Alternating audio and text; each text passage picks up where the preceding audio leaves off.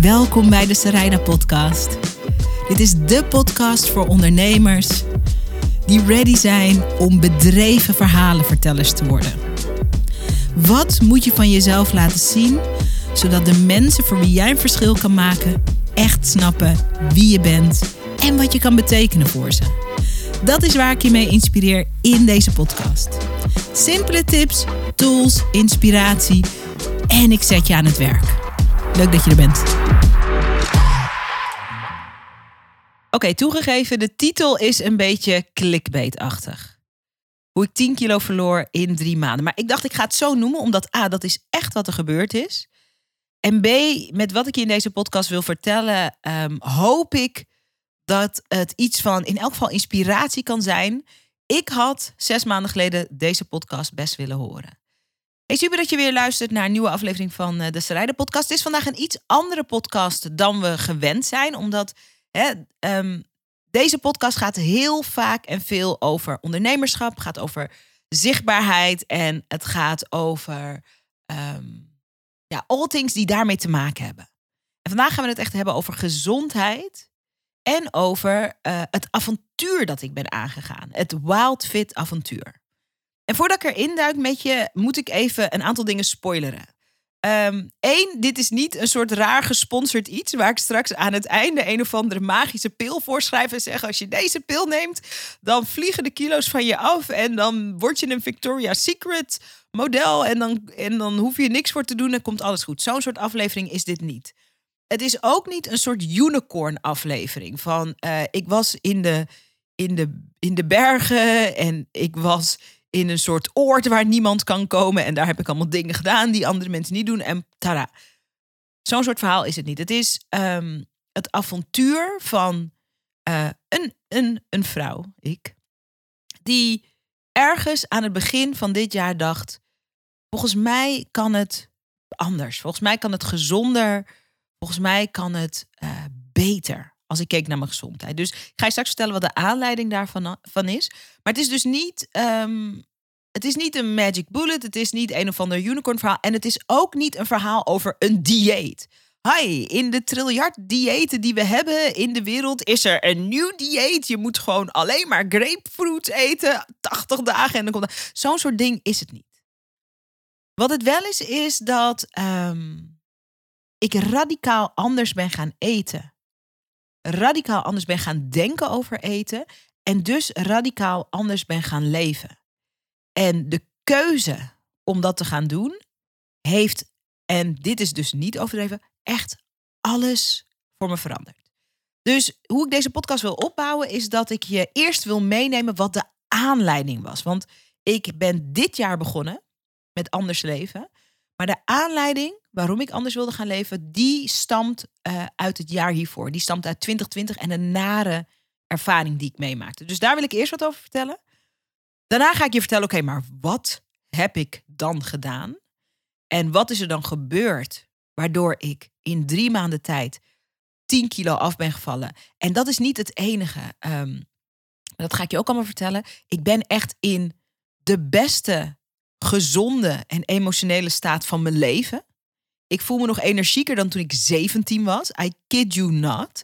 Dus daar wil ik je ook over vertellen. En waar ik de podcast mee wil afsluiten, um, is uh, een hele berg vragen die ik heb gekregen. Van mensen die mijn journey, uh, en journey klinkt zo Amerikaans, my journey, my health and wellness journey. Maar het was wel echt een journey en het is nog steeds een journey. Um, die mijn avontuur, mijn reis hebben meegevolgd op Instagram. Ik heb daar een beetje over gedeeld. Als je me nog niet volgt op Instagram, doe het. Ik, bedoel, het is mijn eigen Instagram, maar het is echt leuk daar. Sarayda Groenart op Instagram. Um, en uh, ik heb heel veel vragen gekregen. En ik dacht, ik ga gewoon een podcast opnemen. En dan ga ik deze vragen beantwoorden. Dus dat is hoe ik het voor me zie. Are you with me? Ik vind het zo leuk. Echt zo leuk om dit met je te delen. Terug eerst even naar iets wat helemaal niet leuk was. 2020. Nou, voor de meeste mensen is de associatie met het jaar 2020 niet het meest ideale jaar, niet het meest vrolijke, meest uitbundige jaar.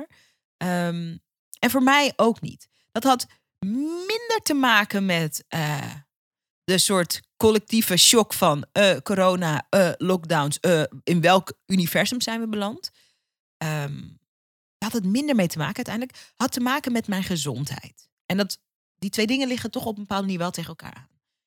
Um, de kortste samenvatting, en ik vind het eigenlijk ook best wel een beetje spannend om dit te vertellen. Ik heb er in een andere podcast wel al even iets in aangeraakt. Maar ik vind het eigenlijk heel spannend om dat dan nu zo dedicated te vertellen. Ik doe het gewoon. In 2020 um, merkte ik dat ik ongelofelijke last had van mijn buik en mijn baarmoeder. En um, zoals ik dat in het begin altijd doe, als ik ergens last van heb, denk ik, oh ja, ik heb stress, ik moet gewoon iets rustiger aandoen. Maar waren heftige pijnen en het werd steeds erger. En ik ben toen naar het ziekenhuis gegaan en toen uh, bleek uh, na het een en ander aan onderzoek dat uh, ze iets bij mij hadden gevonden. Wat in de eerste instantie goed aardig gezwel leek. Nou, dat was best wel heftig, want het bleek ook heel groot te zijn. maar het was goed aardig. En ik was daar heel blij mee, maar ik was ook heel erg geschrokken.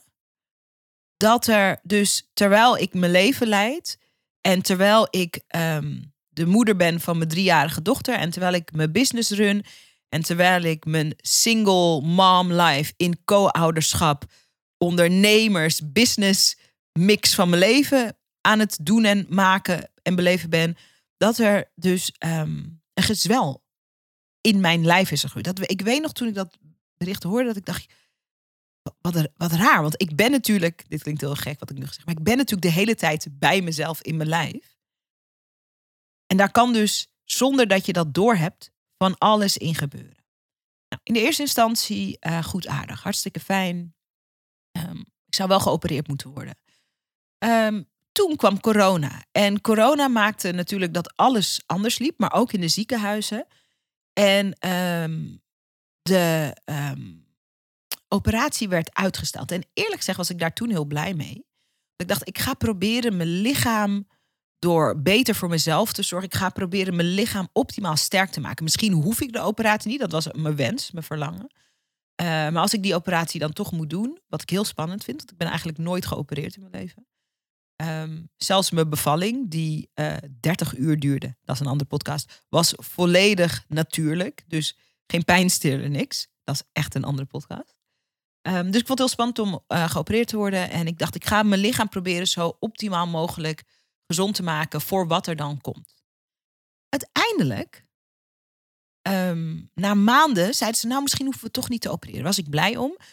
Uh, maar toen kwamen de complicaties terug. En ik wil niet daar te veel over in detail treden, want dat vind ik iets te spannend om te vertellen. Maar er gebeurde van alles. En ik moest s'nachts naar het ziekenhuis. En, en, en, en, en bloedingen en weet ik veel wat. En toen was er een moment dat ik uh, bij de dokter in de, in, de, in de ziekenhuiskamer zat. En toen zeiden ze, en dat, toen werd het dus zwart voor mijn oog, zeiden ze. Is toch belangrijk, misschien is het toch kanker, zeiden ze. En kijk, ik weet niet als je dit luistert, is de kans redelijk groot, omdat dit, eh, het K-woord is iets wat ons op allerlei manieren in onze maatschappij en onze samenleving raakt. Um, als je mij nog nooit gezien hebt, ik ben vrij donker gekleurd, maar ik kan je vertellen, ik trok wit weg. Mijn eigen vader is overleden aan kanker. Um, ik heb voor hem mogen zorgen in de laatste maanden van zijn leven. Hij is uh, in die laatste maanden dat hij zo langzaam en snel tegelijk stierf, woonde die bij mijn huis. Dus ik weet um, uit eerste hand hoe dat eruit kan zien. Hoe dat voelt. Niet hoe dat voelt als ziek, als ziek persoon, maar hoe dat voelt voor degene die daarbij is. Um, en het is niet zoals het op tv lijkt. Op tv, als er iemand ziek is, maken ze diegene een beetje, beetje, beetje bleek.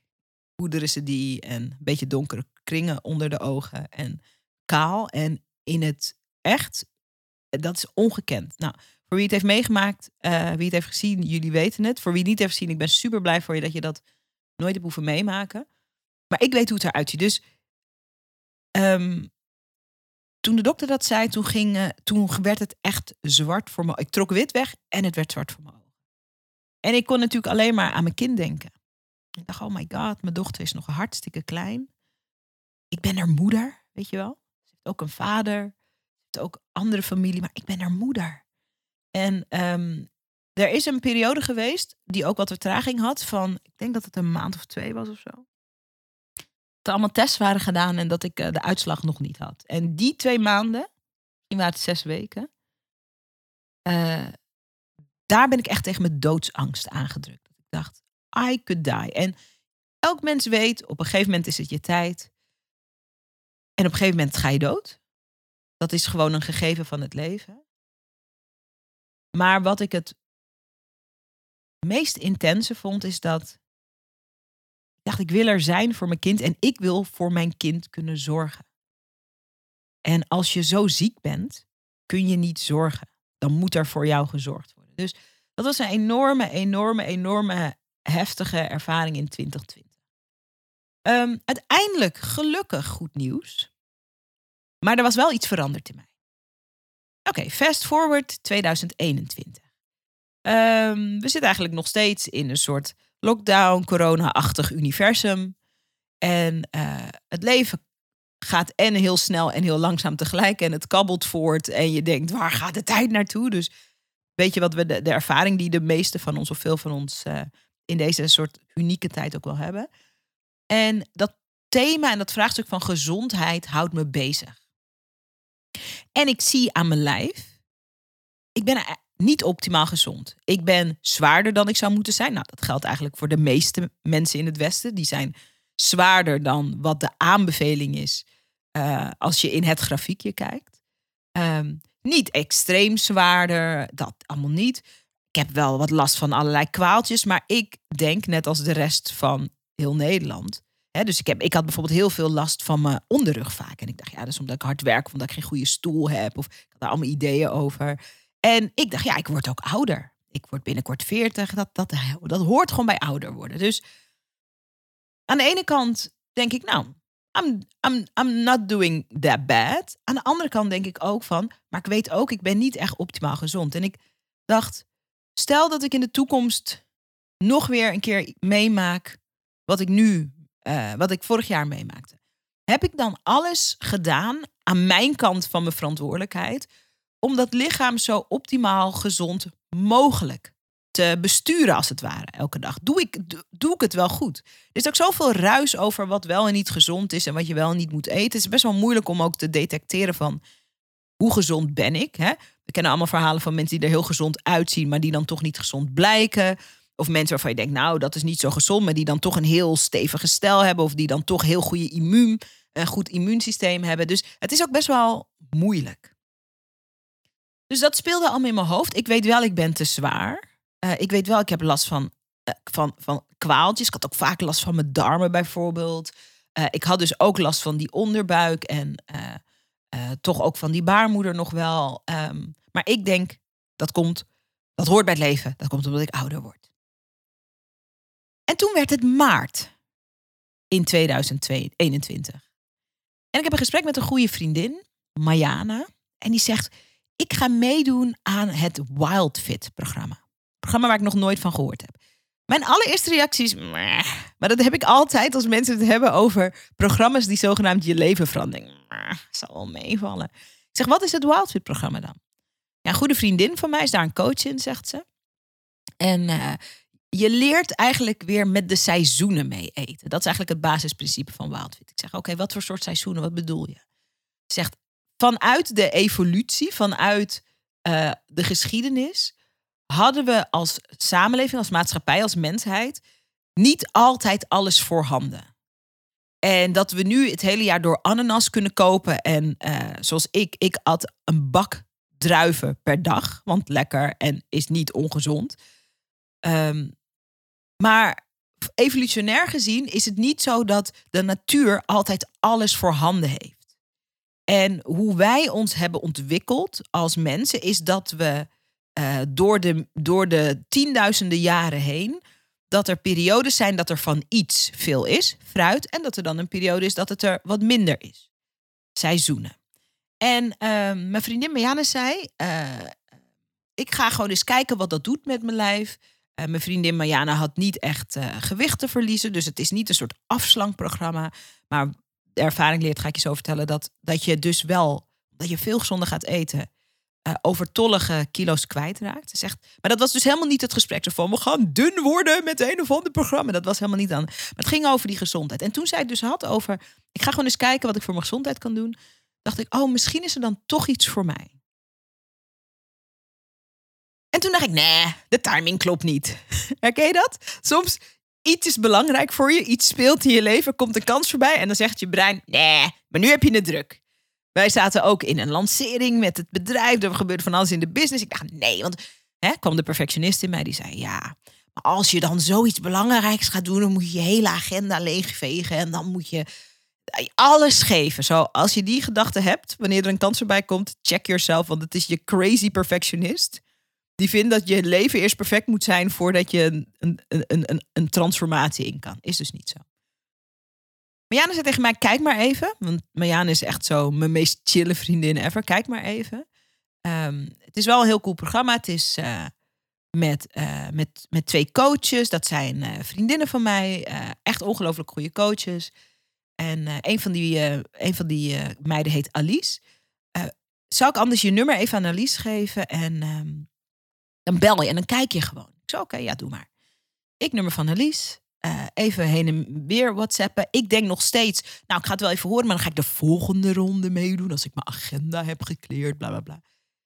En uiteindelijk heb ik een uh, Zoom-call met Alice. En ik weet niet eens meer wat er is gezegd in die Zoom-call. Ik weet het echt niet meer. Maar ze keek me aan, zo'n ongelooflijk fris uit haar ogen kijkende lieve vrouw, die zulke zinnige dingen zei dat ik dacht, oh my god, ik moet het doen. Kleine side note voor alle ondernemers die luisteren, dat zijn er veel. Maak contact met een potentiële klant. Blijf niet op de e-mail hangen met allemaal.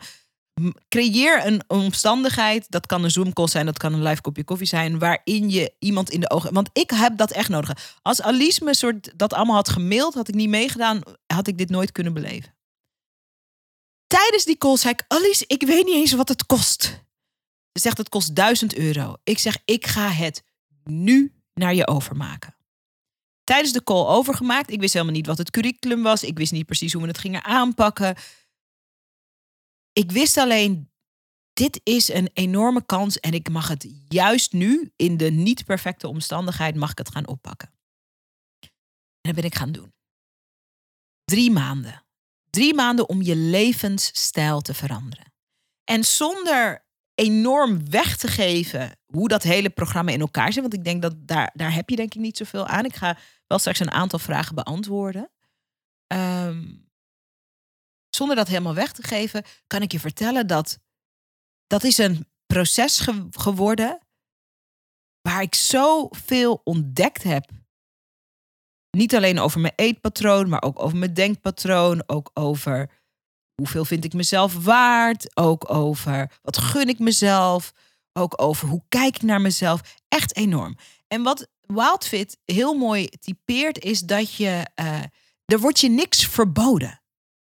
En, en dat is cool. En, en wat het ook heel bijzonder maakt, is dat het niet gaat over wilskracht. Dus Wild, Wildfit is niet van. Uh, en nogmaals, ik heb dus even voor de record, dit is niet een soort reclamepraatje. Ik heb uh, die 1000 euro uh, geïnvesteerd.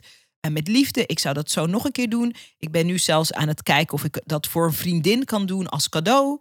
Omdat zij ook heeft aangegeven. Dat ik denk, oké, het heeft mij zoveel gebracht. Ik wil dat als cadeau geven. Ik heb ook tegen haar gezegd, als ik dat doe, dan hoef ik de komende acht jaar nooit meer een verjaardagscadeau voor jou te kopen. Dan is dat zo, woep verzameld in. Uh, maar om je aan te geven, dit is niet een promopraatje. Ik vertel gewoon vanuit mijn ervaring. En ik ben ook dankbaar dat ik ervoor dat ik erin geïnvesteerd heb. voor wie denkt 1000 euro is echt heel veel geld. Uh, veel is, of iets veel of weinig geld is natuurlijk relatief.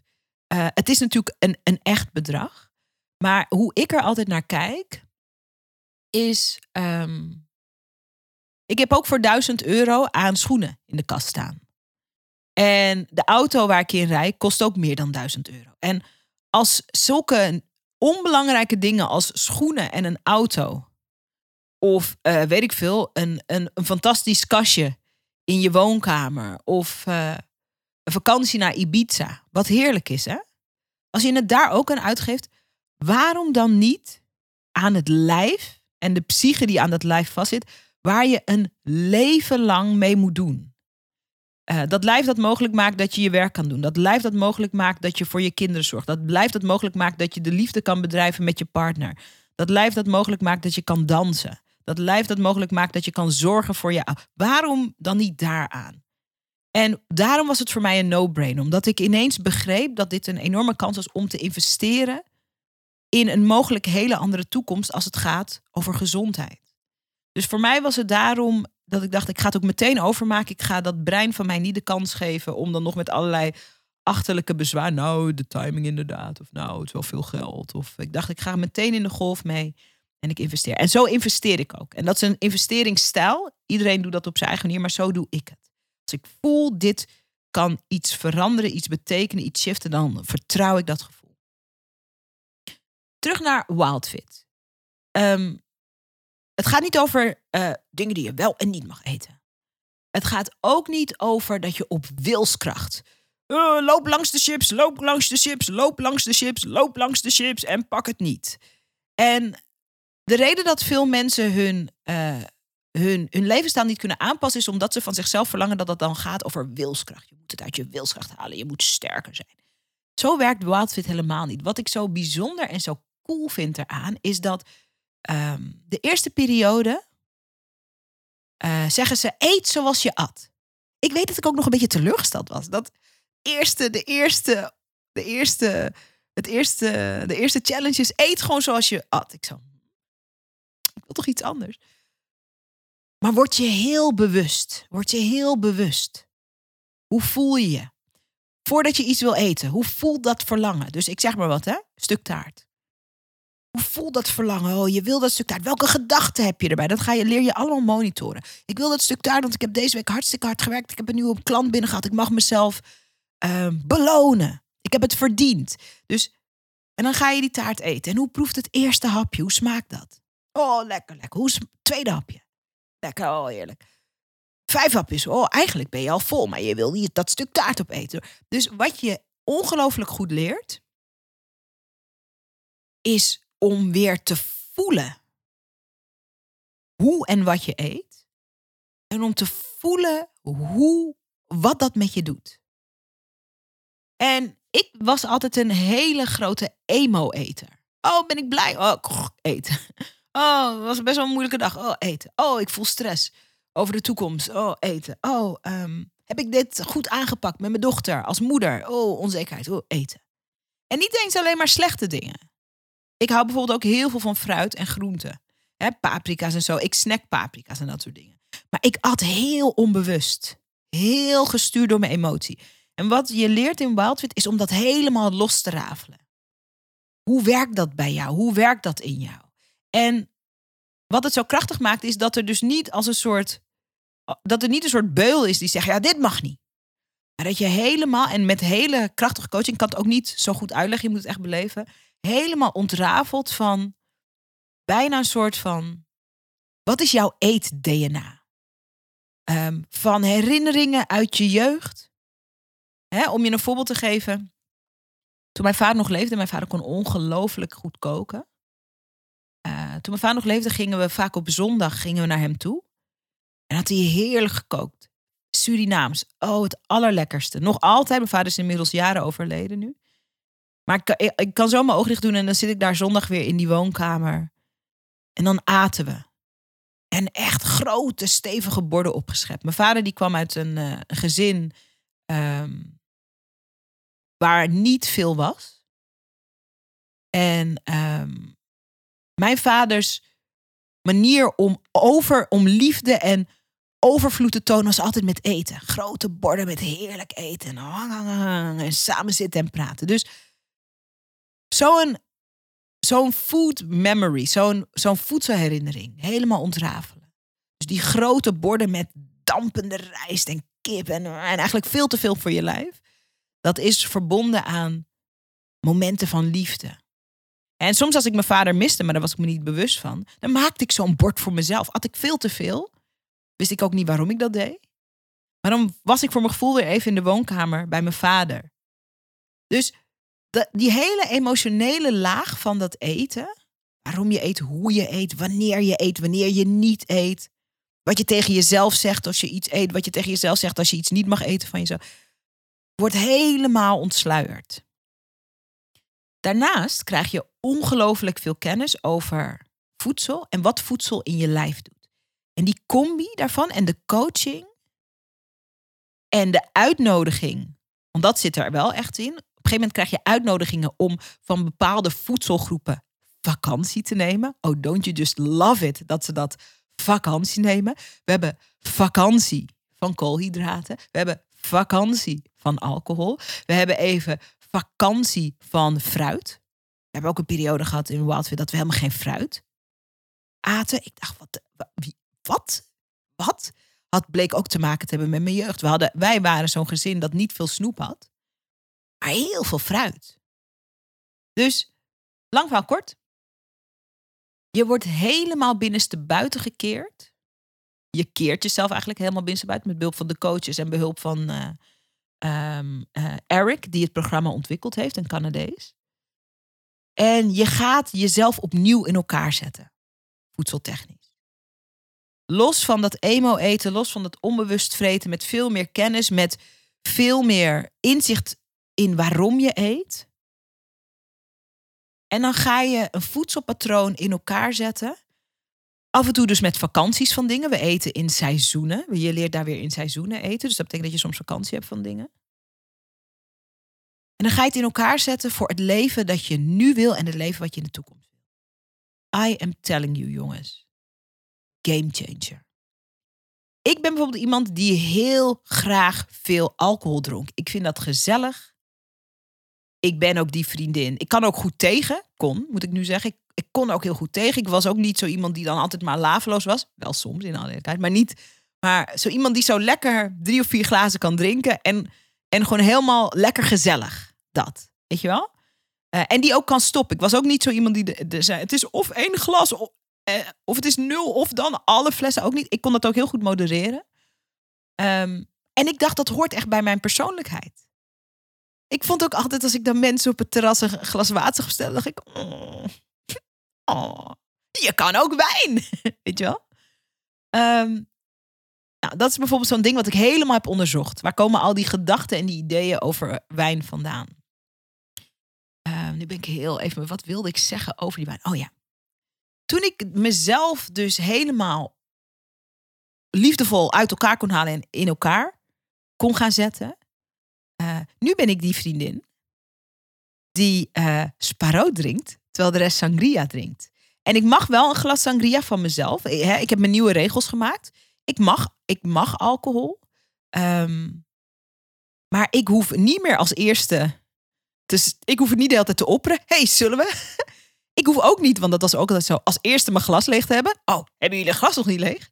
Um, en ik mag, ik kan het ook proeven in plaats van tanken. Snap je?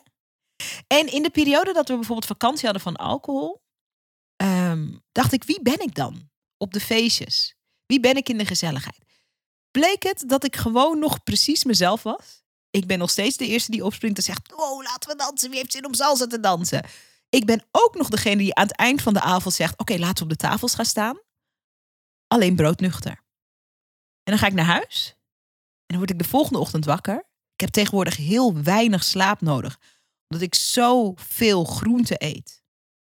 En zoveel water drink, water en thee. Dus ik kan tegenwoordig, en dat is echt, I kid you not, ik kan met vijf uur staan. Ik heb bijvoorbeeld, ik sta hier in de studio vandaag. Ik ben vanochtend om zeven uur opgestaan. Ik ben om vier uur in slaap gevallen. Nou, ik kijk even naar Frank, onze, onze, onze, onze audio-engineer.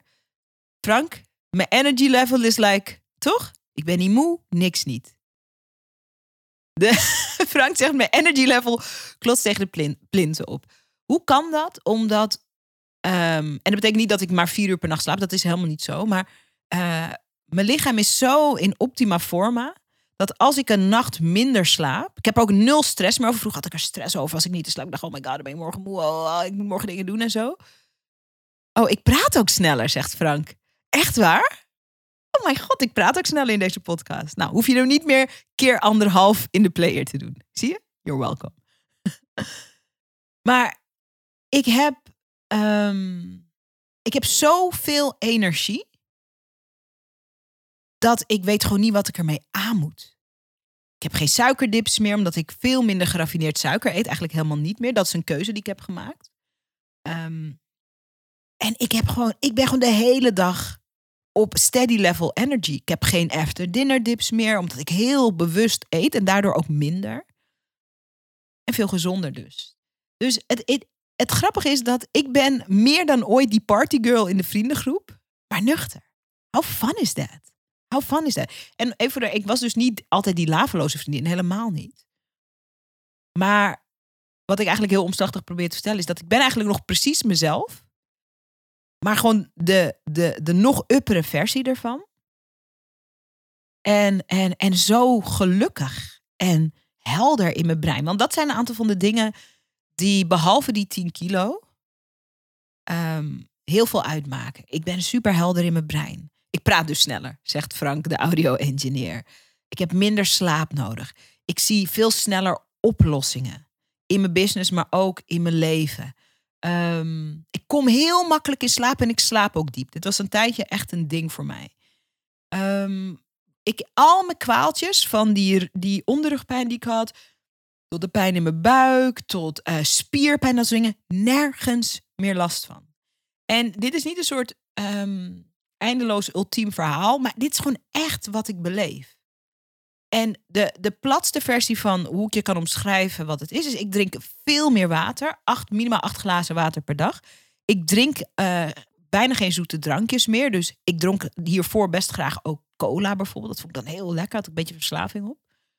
Um, maar ik drink nu heel veel water, water, thee. Um, en ik eet gewoon heel veel groenten. En ik eet ook vlees en ik eet ook vis. En um, ik mag in principe alles van mezelf. Ik doe ook een glas alcohol als ik daar zin in heb, maar niet meer zo automatisch. Ik doe niet te veel alcohol. Ik heb wel periodes gehad dat ik bijna elke dag wel een glas wijn dronk. Nou, dat is echt voorbij. Mijn lichaam kan daar ook niet meer tegen.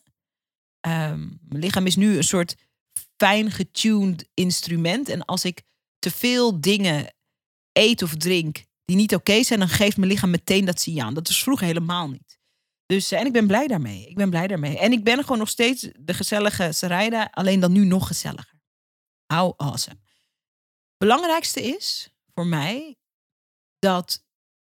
Kijk, we hebben geen controle over het hele leven. Dat weet je ook. Het leven is maakbaar, misschien niet zo maakbaar, in elk geval vormbaar, in elk geval op een bepaalde manier stuurbaar. Maar het leven is ook het leven. Um, maar die toch diepe angst die ik onbewust had over: um, kan ik er zijn voor mijn kind? Die angst is veel meer weg. Niet omdat ik in de toekomst kan kijken, of niet omdat ik een glazen bol heb, maar dat ik weet dat ik doe wat ik kan op een manier die voor mij ontspannen voelt. Ik zit niet op wilskracht.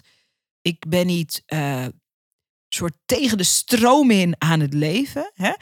Ik ben nu die vriendin dat. Um, er staat chips op tafel, er staat chocola op tafel, er staat frisdrank, er staan eindeloze flessen champagne op tafel.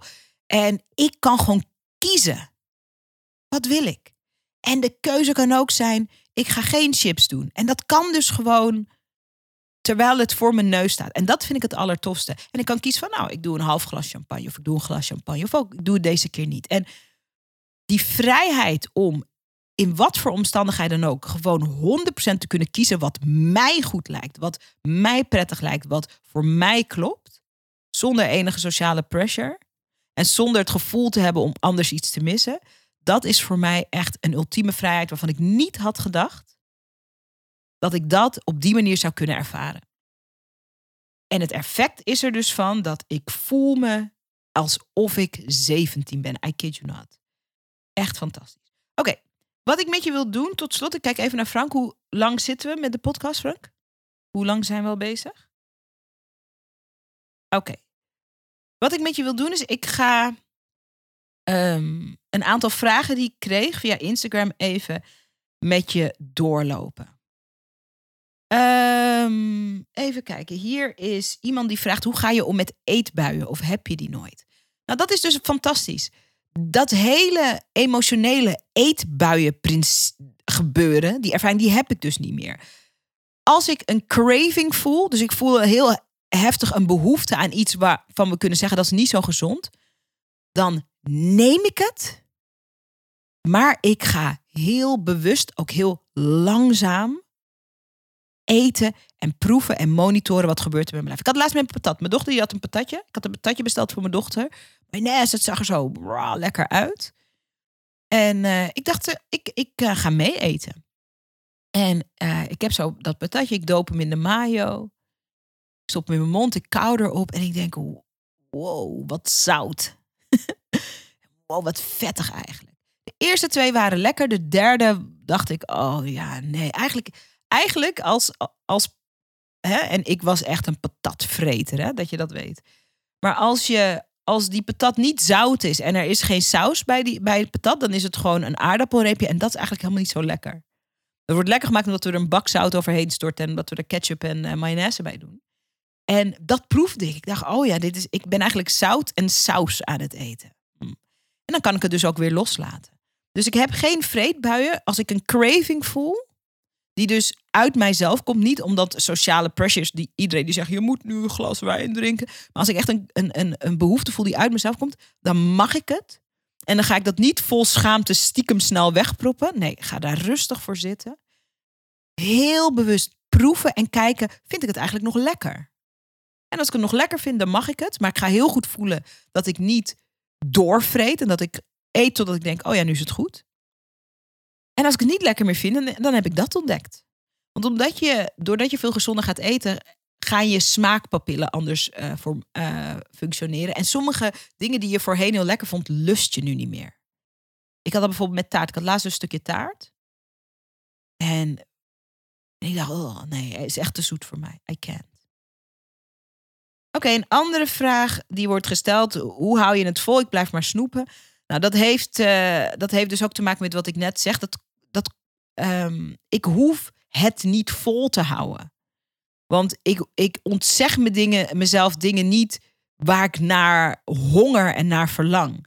Maar doordat je door dat proces gaat, krijg je gewoon heel goede grip op waar heb je echt zin in. En soms, komt het signaal uit je hoofd en soms komt het echt uit dat je ergens smaak in hebt, uh, trek in hebt. En omdat we dat zo goed leren ontrafelen, gaat het eigenlijk helemaal niet over volhouden. Uh, andere vraag, hoe hou je het vol en hoe voorkom je dat je terugzakt in slechte eetgewoonten? Nou, zelfde antwoord daar dus. Um, er wordt gevraagd, waarom is het zo prijzig? Nou ja, daar had ik eerder al wat over verteld. Prijs is voor mij altijd relatief, omdat ik vind als je ergens in investeert, moet je kijken naar wat het je oplevert. En niet alleen maar wat is, wat is de, het geld dat je erin investeert. Ik vind met wat je de, de experience waar je doorheen gaat. En dit is een programma wat over de hele mensen wordt gevolgd. De uh, hele wereld wordt gevolgd door mensen. Hè. De, de, de, de creator van dit programma heet Eric. Um, de coaches die ik had, Lot en Alice, dat zijn Nederlandse coaches, maar die uh, dat grotere programma coachen. Um, en zo is die structuur dat er over de hele wereld, naar aanleiding van de methodiek van Eric, um, offline en online uh, mensen worden gecoacht met het programma. En de resultaten, als je daar eens induikt, Wildfit, die resultaten zijn ook, zijn ook enorm. En dat heeft dus echt te maken met, uh, um, met dat je je leven echt omgooit. Maar op een hele ontspannen, rustige manier. Oh, en ik vraag, wat was de reden dat je eerder dat het je eerder niet gelukt was om gezonder te leven, gezonder te eten? Hartstikke goede vraag. Um, ik dacht dat ik best gezond leefde en at ik voelde me niet altijd even gezond. En er zat bij mij dus heel veel emotionaliteit rond eten. Uh, van uh, eenzame gevoelens wegeten. Tot uh, mijn vader missen, met wie we een echte eetcultuur hadden. Tot ook de Caribische cultuur waar ik uitkom als Surinaamse. Dat is ook echt een eetcultuur. En ik dacht, ja, als ik allemaal dingen, als ik gezonder ga eten, kan ik eigenlijk niet echt mezelf zijn. Dus er zat heel veel emotionaliteit bij mij overheen. En toen ik dat allemaal ging ontwaren, toen kon ik mijn vorm en mijn stijl vinden, die dus precies past bij de gezondheid die ik wil voor mijn lijf, maar waarin ik dus ook volledig mezelf kan zijn. Um, even kijken hoe. Uh, iemand zegt: Mag ik je platte buik hebben? Was iemand dat had gestuurd. Weet je hoe cool ik dat vind? Weet je hoe lang het geleden was voor mij dat ik een platte buik had? Ik ben niet, um, en dat is misschien ook nog wel goed voor, uh, voor de context. Ik ben het grootste deel van mijn leven uh, uh, slank en atletisch geweest. Ik denk tot mijn dertigste. Um, wij hebben die bouw ook. Maar vanaf mijn dertigste werd ik elk jaar net weer iets zwaarder dan dat eigenlijk gezond voor me was. En ik ben wel, ik ben altijd slank in het geweest, maar ik ben wel altijd zwaar geweest. Zwaar op de weegschaal. Um, ik, denk, ik denk misschien vanwege spieren of zo. Uh, weegschaal is sowieso een ding dat je. De weegschaal brengt sowieso voor veel mensen heel veel stress. Um, maar ik merkte gewoon. Ik dacht, het zou kunnen. Vanaf, dus ik merkte vanaf mijn dertigste. Het zou kunnen dat ik zeg maar elk jaar dan net weer wat dikker word. En dat ik dan uh, straks, straks echt, echt ook niet lekker in mijn vel zit. Hè? Ik ben helemaal niet een voorstander van een heel slank schoonheidsideaal. Echt totaal niet. Toen ik, zeker in mijn tienerjaren, heel slank was, vond ik dat eigenlijk heel jammer. Want ik wilde juist wat, wat, wat ronder zijn. Ik heb Caribische roots en wij hebben helemaal niet als schoonheidsideaal. Het is echt heel westers om slank is alles. Dat is heel westers. Maar in Afrika en in de Caribbean is het juist veel vrouwelijker als je meer ronding hebt. Dus als tiener vond ik het eigenlijk heel jammer dat ik uh, zo slank was. En dat ik een beetje tegen dat atletische aanhing. Um, dus ik heb nooit een soort droom gehad om soort heel dun te zijn. Echt totaal. Ik vind dat ook helemaal niet het mooiste of zo. Uh, maar ik merkte dat ik, um, dat, ik, dat ik steeds minder goed toch in mijn vel kwam zitten. En ook omdat ik steeds meer kwaaltjes kreeg.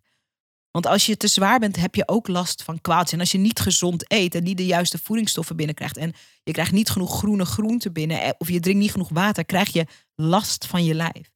En daar maakte ik me zorgen over. Um, oh, dit is cool. Hoe train je het moeilijkste deel van je benen? Je bovenbenen. En hoe kan je dit behouden? Is een vraag. Oké, mijn antwoord is: I really don't know. Een van de opmerkelijke dingen is dat. Um, als je me volgt op Instagram, dan weet je dat ik uh, uh, periodes in mijn leven met een personal trainer train. Um, vaak ook. Maar een van de mooie en interessante dingen is dat um, tijdens mijn Wildfit Journey ben ik gestopt met sporten. En dit klinkt heel gek, hè? Want we hebben ongelooflijk geleerd dat als je slank en gezond wil zijn, dat je veel moet sporten. Maar wat wij leerden tijdens het uh, Wildfit-programma, die 90 dagen, die drie maanden, is dat omdat we ons lijf transformeren en omdat we zo ook de diepte ingaan met die emoties met dat eten en omdat we zo onze smaakpapillen opnieuw aan het herprogrammeren zijn, dat er is zoveel is er gaande. Wij leerden van we raden je af om even keihard te sporten. Dus wel bewegen, wel wandelen, lichte inspanning, maar niet enorm gewicht te heffen, niet enorm weet ik veel wat, niet buiten adem raken. Want je lichaam, je bent een transformatie aan het maken naar veel meer gezondheid. En je lichaam heeft de energie die je anders misschien heel erg met dat harde sporten verbruikt, nodig om zich van binnen te helen. En, en ik hoop dat ik het ook goed uitleg. Op het moment dat je veel gezonder gaat eten, wat er eerst gebeurt is dat in het opgeslagen vet in je lijf. Dus bij vrouwen is dat vaak rond hun buik en rond hun heupen. Dat had ik ook. Ik had wel echt ook een buik. Je buik. Je buik. Um, dat, dat opgeslagen vet, daar zitten ook um, daar zitten gifstoffen opgeslagen. Want de functie van vet in ons lijf is om gifstoffen op te slaan, zodat ze niet in de bloed, bloedsomloop kopen. Dus jouw lichaam beschermt je op plekken waar je meer vet hebt, omdat daar uh, um, gifstoffen opgeslagen zijn, die vaak uit ons eten komen als we niet optimaal gezond eten. Dus op het moment dat je gezonder gaat eten, wordt dat langzaam, bij beetje, wordt dat vrijgegeven. En dat, dat is een proces wat heel geleidelijk mag gaan. En ademhaling is daar heel, daarin heel belangrijk. Daar leren we ook veel over. Dat je zuurstof in je systeem brengt om dat systeem om dat aan te kunnen. Water is heel belangrijk. Uh, groente, groene groente is heel belangrijk. Maar dus ook dat je je lichaam niet te veel belast met excessief sporten. Dus ik ben eigenlijk gestopt met sporten tijdens mijn uh, Wildfit uh, avontuur. En um, die 90 dagen noemen ze de, de Get Wildfit, de, de Wildfit Challenge, Get Wildfit. En daarna, na die 90 dagen, en daar zit ik nu in, dan is het Living Wildfit. En dan ga je um, dan laten de coaches je wat meer los. Dan heb je alles geleerd van de methodiek. En dan ga je in elkaar puzzelen. Van oké, hoe ga ik de rest van mijn leven nu leven? En ik ben nu aan het nadenken over hoe ziet een nieuw sportregime eruit. Ik ben nog niet helemaal uit. Ga ik weer terug met de personal trainer? Ga ik besluiten dat ik eigenlijk vooral ga wandelen veel eh, en niet heel heftig uh, ga ik yoga doen? Ik ben fietsen. Ik ben het nog aan het uitzoeken. Um, maar dus om op de vraag terug te komen, hoe train je het moeilijkste deel van je benen, je bovenbenen? Ik heb dus werkelijk waar geen enkel idee. En ik ben daar op die manier nu niet mee bezig. Um, even kijken. Er wordt gevraagd: is er voeding die wordt uitgesloten? Gluten bijvoorbeeld, of kan en mag je alles eten? Het coole van Wildfit is, is dat je, uh, het is jouw lijf en het is jouw leven en je mag zelf weten wat je doet. Wel is het zo dat je weer heel goed leert voelen wat eten met je doet. En dat je weer heel goed leert proeven. En dat je je lichaam een reset geeft. Omdat je vakantie neemt van bepaalde dingen. En als je dan terug laat komen, dan kan je voelen wat het effect daarvan was.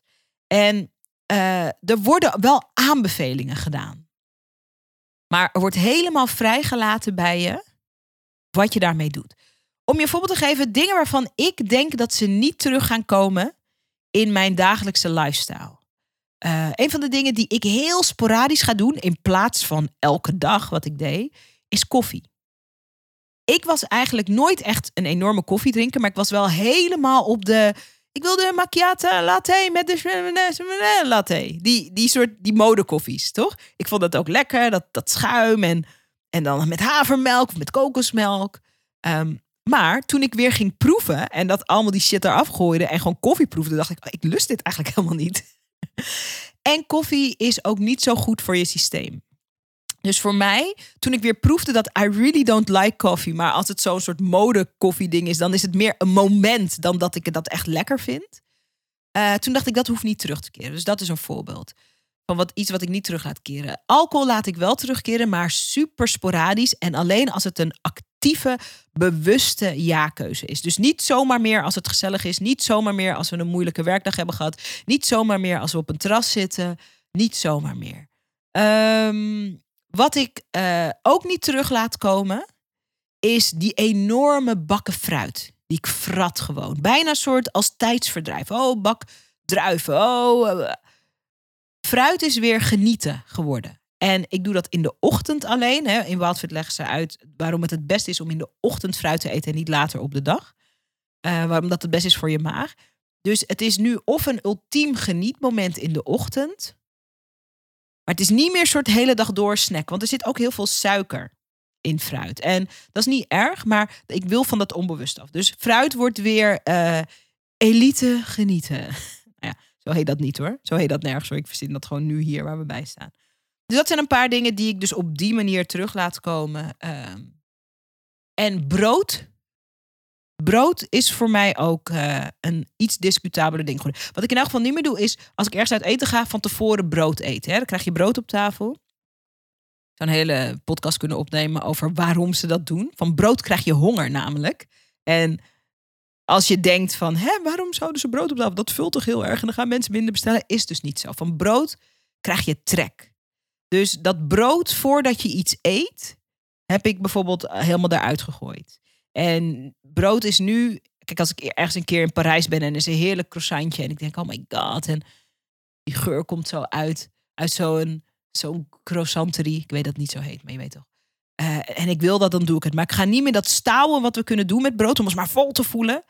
Dat is ook uh, verleden tijd voor mij. Oké. Okay. Laatste vraag. Wat is de mooiste les die je meeneemt waarvan je niet zag aankomen dat dit een item voor je zou zijn? De aller, allermooiste les is dat voordat ik dit programma deed, dacht ik dat als je bepaalde dingen in, in mindere mate zou eten, of, of minder, of misschien niet, dat dat een afbreuk was aan mijn vrijheid en een afbreuk aan wie ik ben. Ik mag toch zelf weten, ik mag toch zelf weten. Maar dat ik nu in alle omstandigheden de vrijheid heb om te kiezen wat lust ik nu echt? Wat wil ik? En dat kan, wil ik dat glas wijn? Wil ik dat glas champagne? Dat ik dat zo kan kiezen en dat ik um, helemaal me daar empowered in voel.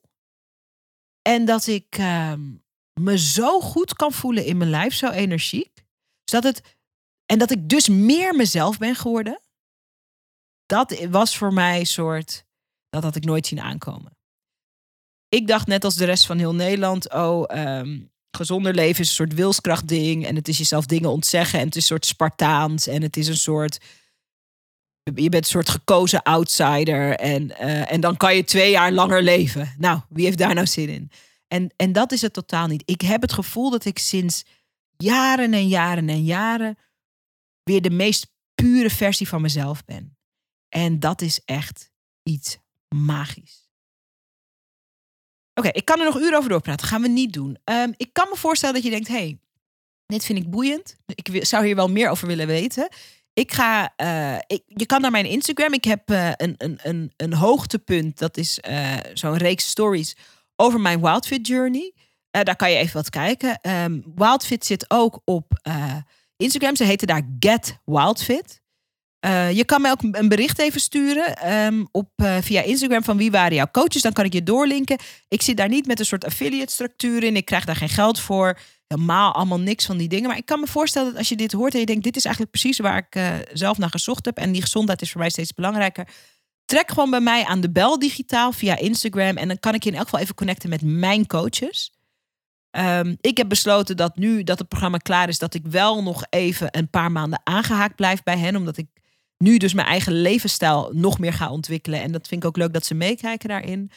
Um, dus ik, ik ben in contact met hen en ik kan je ook in contact met hen brengen. En dat doe ik gewoon uit liefde en verder uit niets.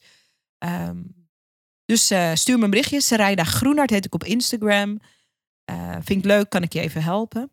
Voor de rest wil ik je ongelooflijk bedanken dat je hebt geluisterd naar deze podcast. Ik heb het heel fijn gevonden om mijn verhaal te delen. En wie weet, um, heb je er iets aan. Dat zou ik heel leuk vinden. Sowieso vind ik het heerlijk dat je deze podcast luistert. Als je dat nog nooit, ever, never, ever gedaan hebt, laat een review voor ons achter. Elke keer als de podcast een review krijgt, um, en dat doe je op Apple Music en even kijken naar Frank, ook op Spotify. Ik weet niet of het is, maar je kan ook, Spotify nog niet. Als je een review voor ons achter wil laten op Apple Music, hoe meer reviews een podcast heeft, hoe makkelijker die vindbaar is. En dat betekent dat andere mensen de podcast ook kunnen vinden. En dat uh, vinden we leuk, want hoe meer mensen er luisteren, hoe meer we kunnen betekenen voor onze luisteraars. Dus uh, uh, laat een review achter als je daar zin in hebt. Dat vinden we hartstikke leuk. maak er even een screenshot van en stuur via Instagram naar me toe. Dan kan ik je even soort, dan kan ik je even soort bedanken daarvoor. En als je zoiets hebt van dit is echt terwijl ik deze aflevering luister, denk ik aan iemand die dit zou moeten horen. Schroom dan ook niet om het linkje van deze aflevering even door te sturen naar diegene. Want echt, het zou zomaar kunnen dat je diegene zijn of haar leven daarmee verandert. En niet omdat het mijn verhaal is, maar gewoon omdat je op deze manier dus Wildfit kan ontdekken. Dank voor het luisteren. Ik ben super blij met je en dankbaar voor je. En ik hoor je bij een volgende podcast. Super tof dat je hebt geluisterd naar de podcast. Dankjewel. Hey, en als je een mooi inzicht hebt of iets wat je even met me wilt delen naar aanleiding van de podcast, check me op Instagram. Ik heet daar Zarijda Groenhart. En laat even een berichtje achter met wat je uit deze podcast hebt gehaald. Ik vind het altijd leuk om met je te connecten. Zie ik je daar?